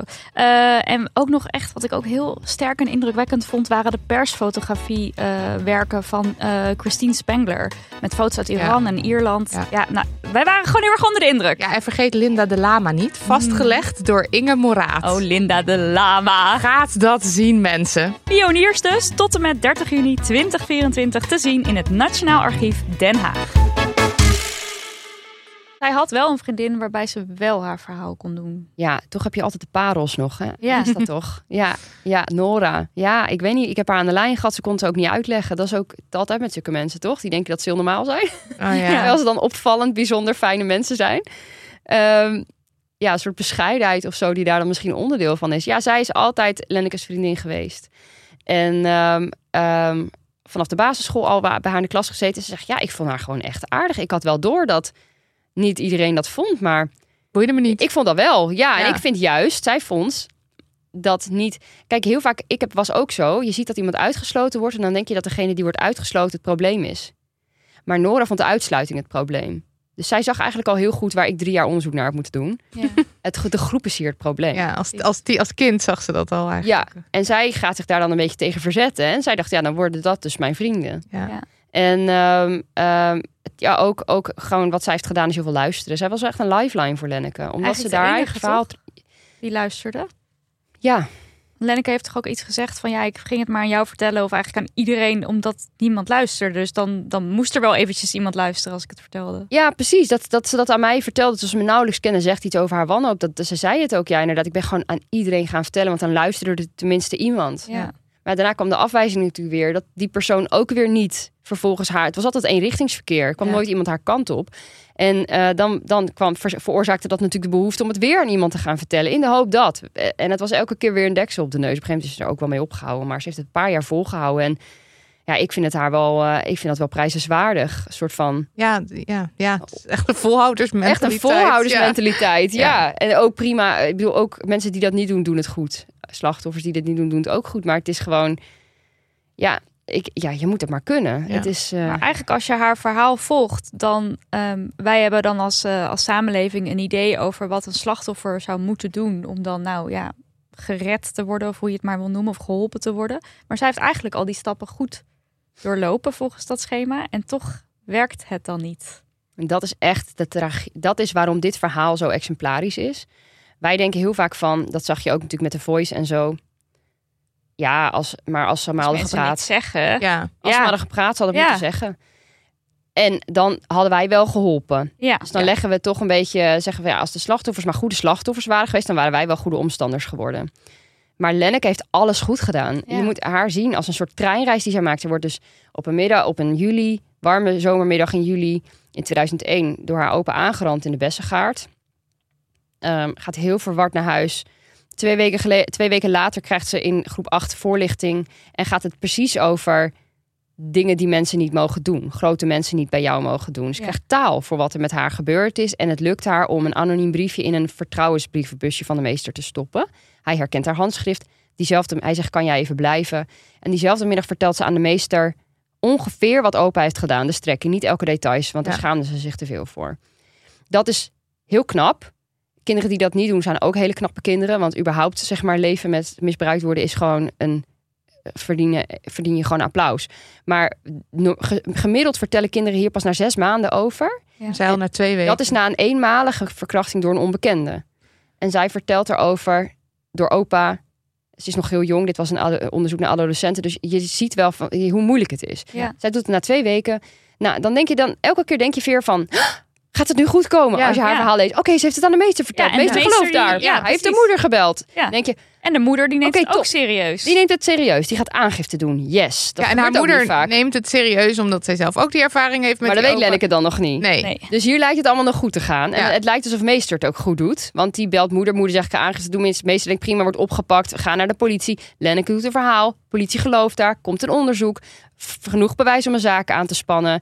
Rechter beoordeelt dat bewijs als overtuigend. En veroordeelt opa voor het misbruik. Hier hebben we een clean verhaal. En Ja. daarna mag ze ook nog naar de slachtofferhulp. 12 sessies met lotgenoten. Nou, En dan denken we, strik erom. Weet je Tadaa! wel, dit had nooit het. mogen gebeuren. Ja. Maar wat fijn dat het allemaal zo gegaan is. Maar dat is niet waar, want eigenlijk is het heel verwarrend. Want waar komt Lenneke nou achter? Ehm, ehm, hè, zij komt er dan pas achter. Maar dit heeft opa ook bij mijn moeder gedaan. Ja. En dan heb je meteen een soort van spagaat. Want je denkt, oké, één. Shit, oké, maar hoe kan dan dat mama mij naar opa heeft laten gaan? Dan begint dat als verraad te voelen. Het is niet opgelost, het wordt alleen diffuser voor haar. Ja. Twee, het leek heel leuk dat meestermoeder had gebeld en het aan moeder heeft overgelaten. Maar nu gaan we twijfelen, was dat eigenlijk wel de juiste persoon om dit weer terug in handen te geven? Want deze vrouw heeft eigenlijk heel erg hulp nodig. Daardoor is het ook misgegaan. Nu krijgt ze die nog steeds niet. Dus hier begint het al ingewikkeld te worden. En dan zie je ook dus dat het afhandelen van de aanranding niet genoeg is. Want het Nee. web is nog steeds intact. Ja. Vervolgens is Lenneke 14, gaat naar een verjaardag van de familie van haar oom. En ehm, is altijd bezig met wanneer is opa. Daar ben ik er vandaag klaar voor om opa te zien of niet. Dan gaat ze niet of ze probeert hem te ontwijken door een ander tijdstip te komen. Vandaag denkt Lenneke, ik denk dat ik het wel kan. Ik ga vanmiddag gewoon naar de verjaardag. Ik wil ook was normaal naar een verjaardag. Kom op zeg, weet je Ja. wel. Of naar een familie twee straten verder. het is natuurlijk ook hartstikke oneerlijk dat zij daar de hele tijd rekening mee moet Exact. houden. Ja. Dus ze gaat, ze denkt, nou, daar zit hij. En ze kijkt zo rond. En ze wordt natuurlijk begroet. Hang je jas, ze kent die drempel. Zij kent die familie, ze kent dat huis. Ze is daar in haar, Ja. Het is een hecht, hechte, hechte familie in een echte gemeenschap. En ze kijkt en ze denkt, "Shit, er is nog maar één stoel vrij. En waar staat de stoel? Naast opa. Naast opa. En ze kijkt rond, want ze denkt, iedereen weet wat er gebeurd is, weet je Ja. wel. Dus gaat nu iemand mij helpen? Gaat iemand opstaan? Gaat iemand zeggen: hey, kom lekker bij ons zitten? Niemand. Ja, nee. Niemand. Niemand doet alsof er ook maar iets aan de hand is. Zij, eh, niemand kijkt op. Bijvoorbeeld, het is gewoon, ze mag taart kiezen. Ja. Eh, appel, monsieur of kwark. En wat wil ze drinken? En vervolgens gaat ze dus, moet ze naast opa zitten. En ze moet eerst het hele kringetje rond om de hand te geven. En gefeliciteerd met, Ja. eh, hè, met de oom. En eh, nou, dan gaat ze daar zitten. Niemand maalt erom. En zij zit naast opa aan de limonade en de, en de taart. En ze denkt, ben ik nou gek? Ja. Ben ik nou gek? Ik ben gek, weet je wel. Ik lijk wel gek. En dat is weer die, dat is het trauma. Ja. Al die dingen die slachtoffers over zichzelf gaan geloven. Door het misbruik, door het gedrag van omstanders. En dat wordt op zo'n middag natuurlijk weer helemaal versterkt. Ja. Ehm, en dat web was helemaal niet geadresseerd. Dus zo valt Lenneke van de ene ellende in de andere. Terwijl ze eigenlijk alles doet wat wij van slachtoffers zeggen te verwachten. Ja. om hun te kunnen helpen. Wij willen dat web zelf ook niet kapot maken. Want dat is ongemak voor ons. Dan moet een van ons naast opa zitten. Ja, Ja. en het is natuurlijk ook zo op het moment dat je het, het web in stand houdt en dus de realiteit van eh, doen alsof er niks aan de hand is. eh, ja, het is natuurlijk ook gewoon heel, een heel onveilig gevoel dat de wereld veel gevaarlijker is eigenlijk dan je zelf denkt. Want we En hebben graag wilt. dat Ja, en, en we hebben graag dat beeld van dat monster, want dat is gewoon super duidelijk. En daar kan je allemaal dingen aan doen om te zorgen dat je die niet tegenkomt. Ehm, maar als, als, als, die, als die ballon barst, zeg maar, en het blijkt ineens dat eh, ah, heel veel misbruik achter de voordeur gebeurt en die mensen zijn helemaal niet zo. Dat willen we, daar willen we zelf ook niet aan als Nee. omstanders. Het is gewoon hartstikke, hartstikke onveilig gevoel. Ja. Ja. dat is het. En dat, dat, is het. dat zorgt ook weer voor die, eh, het schuld bij de slachtoffer ehm, leggen, victim blaming, waar eh Iva Bicenic ook heel veel over, over schrijft. Ehm, Hij spreekt haar achternaam goed uit. Ik wil even op zij is bij ons te stilstaan. gast geweest. en zij, ehm, eh, wat wou ik daarover zeggen? Ja, jij zegt ook van ehm eh 75% van de slachtoffers heeft in ieder geval één iemand die een, ja, een rotopmerking maakt, die de verkeerde opmerking maakt. Ja. Kan je daar iets meer over vertellen? Dus wat, wat zeggen mensen dan wat niet oké is? Ja, nou, eh, mensen. ehm victim blaming heeft, soort- heeft heel veel kanten. Dus het is vaak niet zo meedogenloos als je zou denken, weet je wel. Nee, het is niet van ja, je had er Jij bent zelf. Nou, uitgelokt. misschien, Ja. ja, Nee. d- maar dat is een heel extreme vorm van victim blaming. Het Ja. wordt misschien gezegd, Ja. maar het is veel subtieler. Bij, bij Lenneke bijvoorbeeld was het al haar meester van groep 8 die heel veel dingen goed deed, toch? Die dacht van, oh weet je wel, wat hier op de school en het dorp verderop is gebeurd, dat ga, daar ga ik alles aan doen om hier anders te doen. En die begint die hele les vanuit de goede bedoelingen. Ja. Er gaat door al dat discomfort heen van de eerste zijn die... Nou, dan komt het resultaat. De hele bedoeling van al die moeite staat voor zijn neus. Ja. En dan gelooft hij haar niet. Van binnen niet. Ja, Lenneke hij heeft- lijkt haar te geloven. Ja, Lenneke kijkt, heeft in die periode zijn eh, rol als positief ervaren. Dus Ja. in dat opzicht is zijn werk geslaagd. Ja. Maar ik zat twintig jaar later tegenover hem. En we hebben het hier over. En hij zei, ik geloof haar pas nu jij voor mijn neus zit. Zo laat Oh, pas. Ja, ik dacht dat. Ja. Zo laat pas. Ja. En, en hij zei, ik heb altijd gedacht dat ehm, eh, het niet, ja, ik heb haar nooit helemaal geloofd. Ik zei, wat dacht jij dan? Ja, dat er misschien wel meeviel wat er dan in die Bessengaard was gebeurd. Ik zei, kan je me dan een scenario schetsen Ja. tussen een man van een man van tegen de 70, een opa, Je eigen en een meisje van 12 jaar. Waar con- fysiek contact tussen is. Waar een meisje helemaal van overstuur naar huis gaat. Maar wat Ja. eigenlijk wel meevalt. meevalt. Ja. Ja. dat bestaat niet. En hij zegt nee, ik kan dat niet bedenken. Want ik weet dat het niet bestaat. Ik zei dus waarom kan je dit dan 20 jaar denken? Toen zei hij Ja. omdat ik niet wilde dat het zo was. ja, precies. En, eh, en hij zegt ook nog dat hij ergens wel een soort van het gevoel had dat zij zich toch wel een beetje al, als op een presenteerblaadje aanbiedt. En ik vond het zo pijnlijk om te lezen. Mhm. Ja, alles. zij ook ging, zij ging ook een beetje hangen na de lessen of een beetje tegen hem aanstaan. Ja, want zij wilde aan. gewoon contact met Ja. iemand die haar geloofde. Ja. Ja, klopt. Ja. ja, dat is zo waar. Ja, ik zie dat het jou echt... kan wel raakt. janken. Ja, ik Ja. zie het aan je gezichten. Maar Ja. dat is ook om te huilen. Ja, dat is echt heel sneu. En dus, want zo'n meisje vindt inderdaad eindelijk iemand waar ze zich veilig bij denkt te kunnen voelen. En waar ze vertrouwen vindt. En Ja, want zij dacht dus niet wel zo. dat hij haar geloofde. Ja, Ja. en dat is hem, dat is goed. En dat heeft Ja. hij dus ook goed aangepakt. Ja, ja. Ook al de achterintenties. Eigenlijk andersom. Mensen zeggen altijd, ja, maar ik bedoelde het niet zo. En hij heeft eigenlijk andersom Ja, gedaan. ja. Hij heeft het goed gedaan, maar Ja. hij had eigenlijk in zijn achterhoofd allerlei nare Ik denk als hij haar echt geloofd had en het discomfort echt had, want hij zei oké, ik wilde niet dat het zo was en ik wilde geen gedoe Ja. met Leen Veenstra. Ja, en Leen Veenstra was dus voor hem echt zo van die gezellige man. En die eh, een soort Charme, ja, oud papier, ook dat soort dingen. van de kerk. Alles van de Bijbel Ja. weet. Ja. ook heel erg inderdaad. Ja, dat is natuurlijk ook in zo'n dorp Wilde dat je dat geen heel belangrijk is. Ja. En de moeder van Lenneke, Helene en Lenneke zelf, dat waren in zijn optiek Moeilijke. ook een beetje moeilijke mensen waar hij liever niet te veel vermoeiend contact mee wilde hebben. Ik denk als meester Le- Lenneke had geloofd en dat meer had begrepen, zeg maar, hoe dit was, dan had hij het niet zo makkelijk uit handen gegeven. En dan was, had hij betrokkener gebleven, had mogelijk betrokkener kunnen Ja. blijven, willen blijven ook bij het proces. En dat had goed voor Lenneke geweest. Want nu belandt zij dus in een familie die al decennia wegkijkt. Ja. Ja. En, en, en, en die dat nog steeds blijft doen. Ja. Nadat zij eh, haar mond open heeft getrokken. Dus het web blijft intact. En op het moment dat een buitenstaander, zoals deze meester, was, aan boord was gebleven en vragen had gesteld. En eh, dat ongemak meer had opgezocht. Dan had zij een medestander gehad. Ja. Ja, en dan En- had hij het, het web dus ook meer aangepakt. In plaats van alleen maar ja. Ja. de stappen doorlopen als Ja. het gaat over misbruik. Ja, dus zo zie je dat victim blaming is niet altijd de verkeerde opmerking maken. Het gaat Nee. ook over wat je in je hoofd denkt en welk Ja. gedrag daaruit volgt. En ook hoe het is om twintig jaar later te horen dat je meester je eigenlijk niet gelooft. Dat is Ja. natuurlijk pijnlijk, weet je wel. Dus het is dat. Het is, ehm, victim blaming is ook ehm, ehm, wat ook victim, ja, dit is geen victim blaming, maar het komt wel. Het is eigenlijk elke keer weer de last bij, bij het slachtoffer leggen. Dus het is ook heel emotioneel reageren op hun verhaal. Ja. En dan jouw emotie heel belangrijk maken in het moment dat iemand jou probeert in vertrouwen te nemen. Zit die Ja. persoon weer met jouw emotie opgezaald? Dat Ja. gaat misschien even heel even niet daarover. Misschien kun je dat even met iemand anders doen. Je kan natuurlijk wel laten zien dat iets je raakt.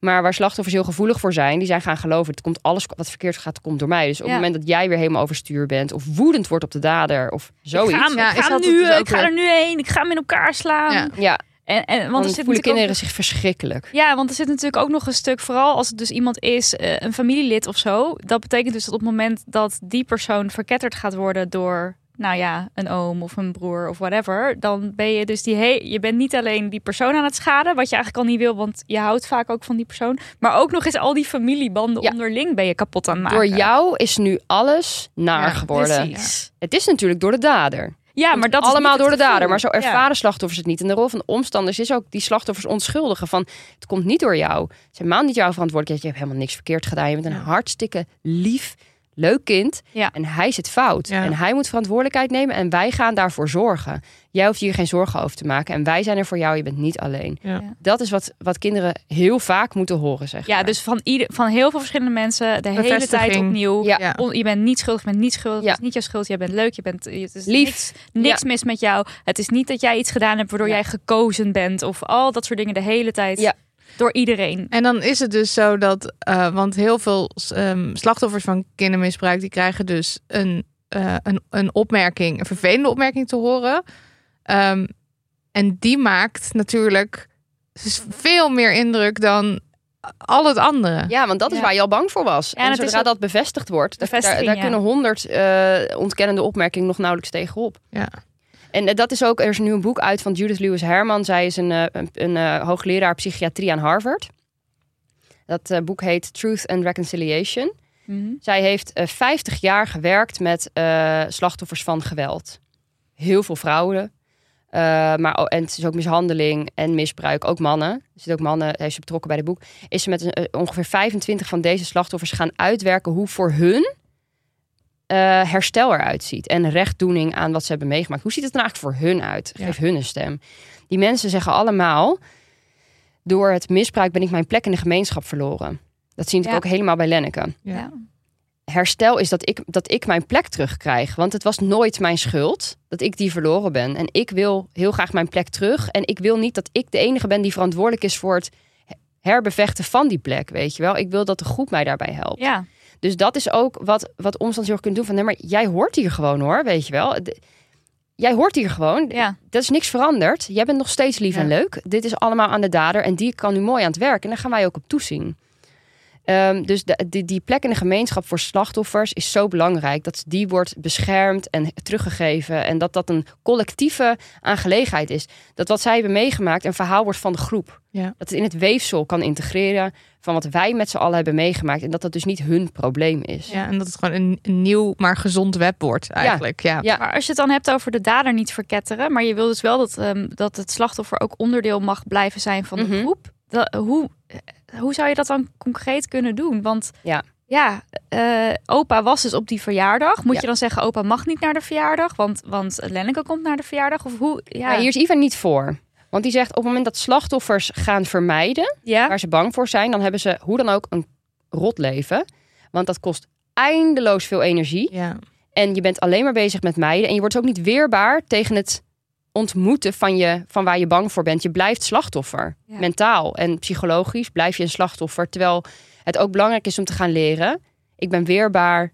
Weet je wel, dat, dat, ik, dat ik toen ben overrompeld, overweldigd en alles, betekent niet dat dat de volgende keer weer hoeft te gebeuren. Ik Mhm. ben sterk, weet je wel. En, we gaan, en ik ga de dingen die ik nodig heb om veilig te zijn, die gaan mensen met mij naar zoeken en gaan we regelen. Dus ehm Iva is er niet voor en ik kan daar helemaal in mee. Ik zeg het even in haar woorden, omdat ik niet zeg maar me deskundig genoeg voel om dit soort Ja. best wel, best wel, nou, statements eh, te Mhm. maken. Maar ik geloof het wel helemaal. Vermijden, dat weten we allemaal. Vermijden kost heel veel energie. En, ik, en, en, en je wilt een slachtoffer niet laten blijven geloven. Ik ben slachtoffer, ik ben slachtoffer. Het gaat me weer gebeuren. Het gaat me weer gebeuren. Want inderdaad, de kans op herhaling is 50%. Ja. Mhm. Maar ehm, ehm, dat komt ook omdat slachtoffers niet de hulp krijgen om uit die, uit, dat prooi, uit die prooipositie te komen Ja. eigenlijk. Weet je wel? En daders vinden dat allemaal weer. Dus het blijft maar in stand. zij zegt, er moet, ehm, eh, dit is maatwerk. Een dader bij, bij, in de ideale situatie gaat de omgeving, waarbinnen slachtoffer en dader vaak allebei zitten, in, in 87% van de gevallen, Mhm. gaat de omgeving zich hiermee bemoeien. Ja. Ehm, die gaat om het slachtoffer heen staan, slachtoffer onschuldig en de dader ter verantwoording roepen. Jij hebt dit gedaan Mhm. en dit is aan jou om op te lossen en wij gaan ervoor zorgen ook. Dus actief dat uitspreken, actief, Actief. daar een, soort plan voor maken. Ja, en dat begint met we gaan het melden. Ja. We gaan hier melding van maken. En jij, want eh, dit gaan we bij professionele instantie. We gaan dit niet onder de pet houden. Mhm. Dit blijft niet binnen dit vakje. Dit wordt gemeld.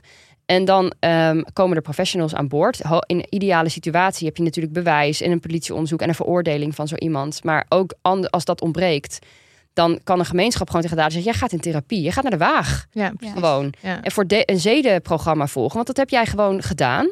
En dat is de voorwaarde voor jouw aanwezigheid in deze gemeenschap. Dat Mhm. überhaupt wij contact met jou willen, doen we alleen als jij therapie gaat volgen. Ja. Bij deze instantie die hier gewoon jou aan kan. Weet je wel, wij hebben ook geen idee wat je hebt gedaan, man. Het is veel te heftig. Ja. Nou, dan, moet zo, dan hopelijk gaat zo iemand, want die wil ook zijn netwerk niet verliezen. Dan maar, ja, hoe zeg je dat? Eh, Aan de slag. aan de slag. Ja, Ja. Die, die, die, hoe zeg je dat? Die, die neemt het dan maar een soort van, ja, die, die zit ook een beetje in een hoek. Ja, dat Ja. is dan soms maar even hoe het moet, weet je wel. En dan gaat hij dat doen.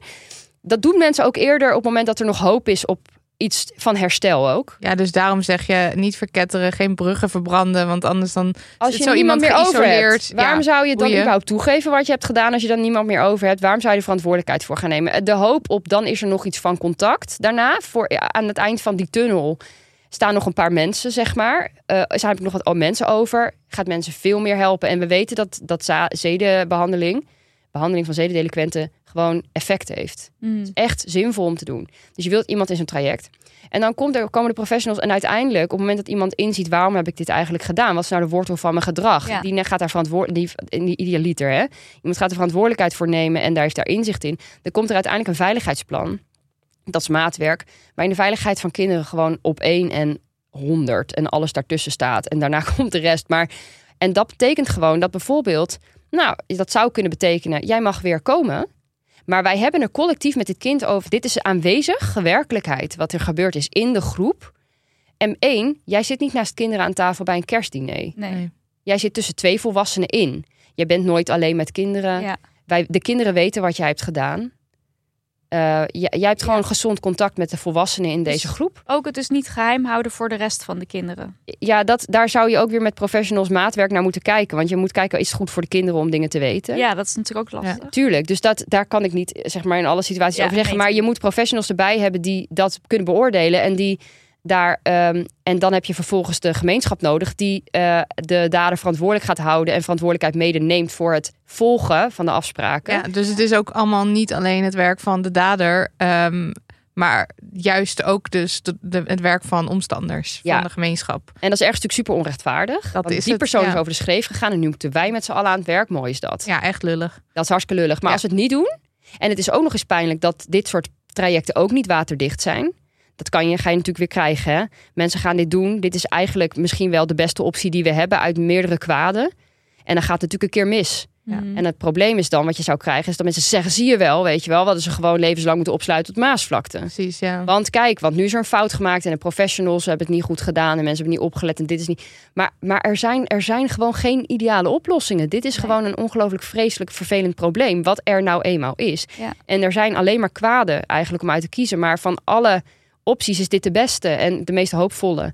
En vaak hebben daders natuurlijk ook, ik bedoel, als je kijkt, een derde van de daders was zelf slachtoffer. Ja. Als dat nooit geadresseerd is, iemand is vervolgens dader geworden. Ja, hoe ga je daarmee om? Dat is best wel ingewikkeld. Die is, die is volledig verantwoordelijk voor zijn daderschap. Volledig. Ja. Moet gestraft worden, verantwoordelijkheid nemen, et cetera.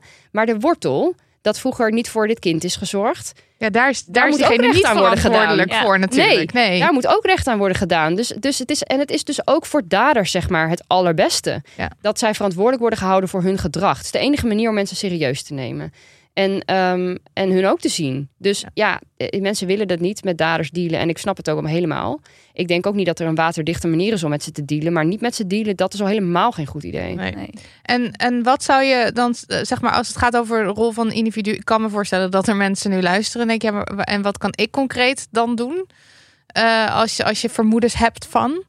Eh, C- Centrum Seksueel Geweld, bellen. Ja. Gewoon zeggen. Of je kan ook naar veilig. Of naar veilig. Ja, ik zou Centrum Seksueel Geweld doen of de zedenpolitie. Dan kan je ook een informatief gesprek voeren. Waar niet nog notities of wat dan ook worden gemaakt. En dan zeg je gewoon van ja, ik heb dit gezien. Ik heb dit gevoel.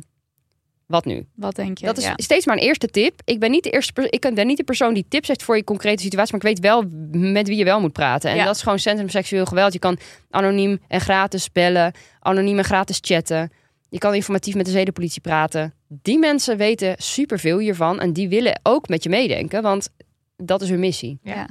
En als iemand het verhaal aan jou vertelt, wat zou dan de beste reactie zijn? Kalmte kan je redden. Hm. Is volgens mij het motto van Iva Bicenic. Ja. Hij zegt het beter. Ehm, eh, en ehm, ja, dus eigenlijk is het volgens mij... begint het helemaal met je, met je eigen afweer dealen.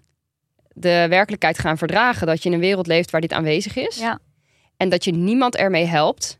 Ook jezelf niet. Als je dat gaat ontkennen. Mhm. Ehm, en dan word je iemand bij wie een verhaal... Waar, bij wie ruimte is voor een verhaal. En slachtoffers zijn heel goed... In, aan hun antennetjes zijn natuurlijk haarfijn ontwikkeld Ja. eh, voelen heel goed waar dat is. En waar de veiligheid en ruimte is en waar niet. En ehm, dat kan soms al zo'n verschil maken. Mm.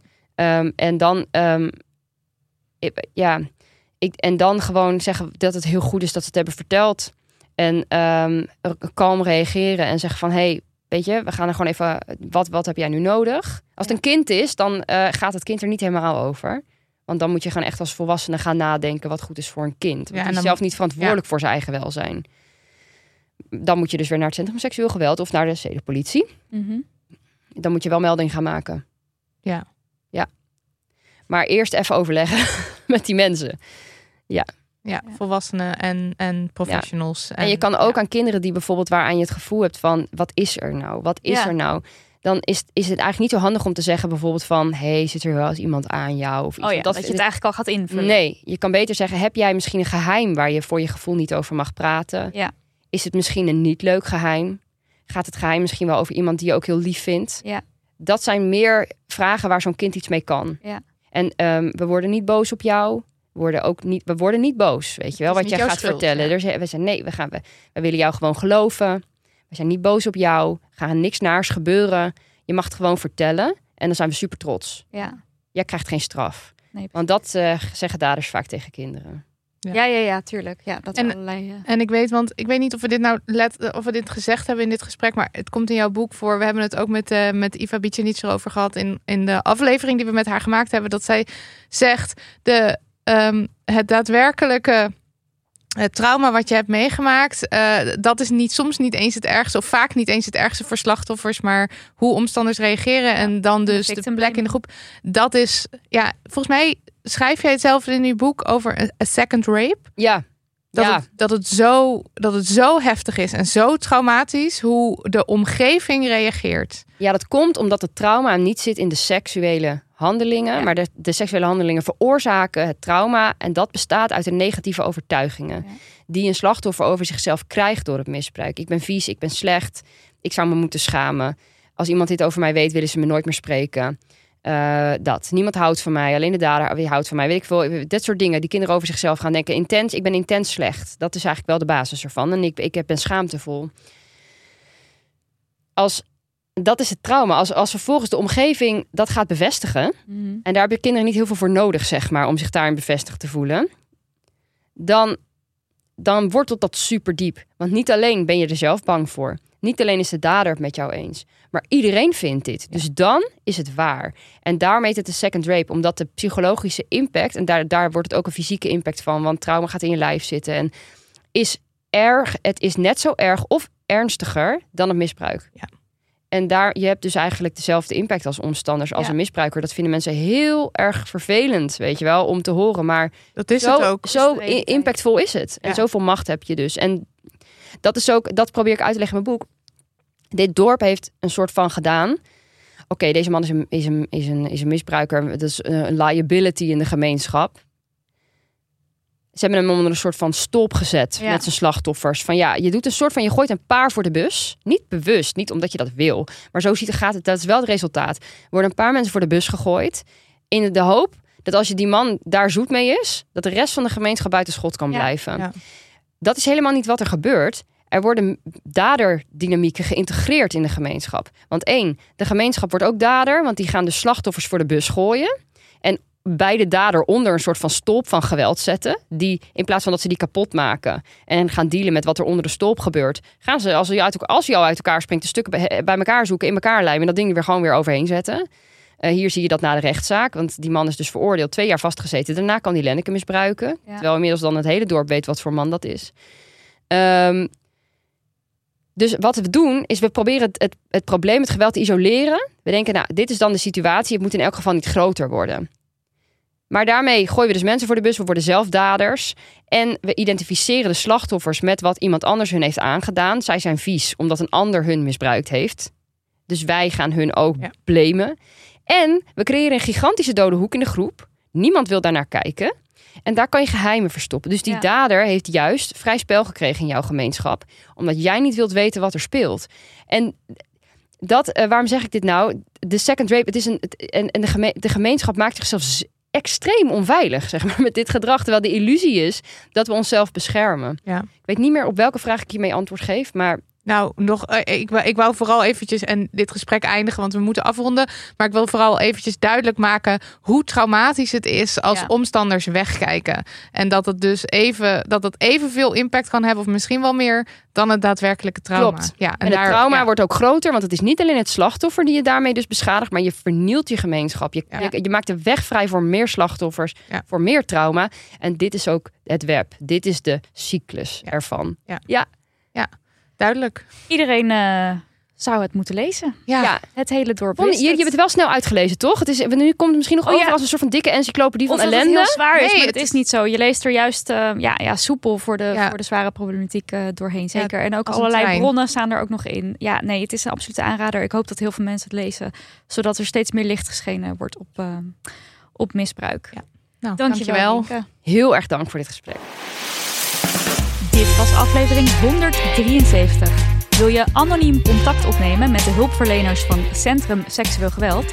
Dan kan dat via de website centrumseksueelgeweld.nl of door gratis te bellen naar 0800 0188. Heel veel dank aan Rinke dat ze bij ons wilde aanschuiven.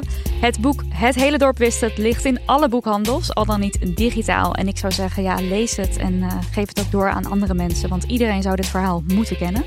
Show notes vind je op damhoney.nl slash aflevering streepje 173. En daar vind je een paar dagen na het verschijnen van deze aflevering ook het transcript. Daniel van de Poppen, Lucas de Gier, Liesbeth Smit, zoals altijd, hartstikke bedankt voor, nou ja, eigenlijk gewoon voor alles. En ook bedankt aan de superhelden van onze Transcript Club. Daria, Paulien, Yvonne, Paula, Pieke, Guusje, Maaike, Tess, Anna, Klaartje, Maaike, Robin, Julia, Cheyenne en Xiao Mei voor het eerst. Welkom Xiao Mei. Hallo. Eh, nou, en you know the drilly. Post kan naar info.damhoney.nl. Levensvragen, adviesverzoeken, dilemma's. Kom maar door. En wil je geld aan ons kwijt? Dan kan dat. Dat mag gewoon. Op petjeaf.com slash damnhoney. Vanaf 1 euro per maand word je bonusbal. En krijg je onder andere toegang tot onze bonuspodcast. Je doet het er maar mee. En je kan deze hele lijst aan opties ook gewoon langs je heen laten gaan trouwens. En het lekker allemaal niet doen. Denk je dat er nog mensen luisteren? Nee. Maar ja, het ook niet. je weet het of wel. niet. Ja, zij moeten dat natuurlijk uiteindelijk... eh, Zelf weten.